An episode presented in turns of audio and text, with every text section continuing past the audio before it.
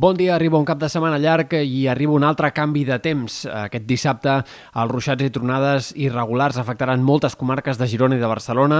Al matí el temps ja serà molt insegur, però serà sobretot a partir del migdia i de cara a la tarda i nit quan els ruixats guanyaran protagonisme, seran més forts i podran fins i tot anar acompanyats de tempesta i deixar quantitats de 20, 30, 40 litres per metre quadrat en poca estona en alguns casos. Per tant, atents a la possibilitat d'aquests aiguats sobtats de cara a aquest dissabte, sobretot a la tarda i nit. Diumenge el temps millorarà clarament, tot i que encara en sectors al voltant de Barcelona i al Maresme el temps s'entreveu insegur i a la tarda i vespre podrien repuntar fins i tot alguns ruixats locals encara localment intensos. Dilluns el temps serà estable a tot arreu.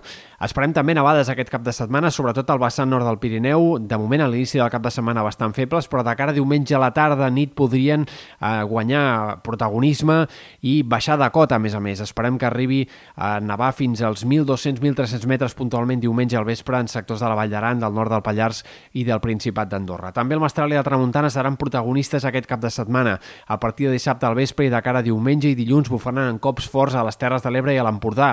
Dissabte al vespre també el vent es deixarà sentir en altres punts de la costa i, de fet, hi haurà una situació marítima complicada eh, de cara a dissabte al vespre i diumenge amb forta maró i fins i tot maragassa en sectors de la Costa Brava. Tot això acompanyat d'una baixada de les temperatures contundent d'entre 5 i 10 graus en general, que es notarà sobretot diumenge i encara més de cara a la matinada de dilluns i que ens acompanyarà bona part de la setmana que ve. En aquest cas, la setmana vinent no sembla que hi hagi cap estiueta a la vista, sinó més aviat un reforçament del fred a partir de dimecres i, per tant, l'ambient purament de tardor que marcarà els pròxims 5 o 6 dies com a mínim.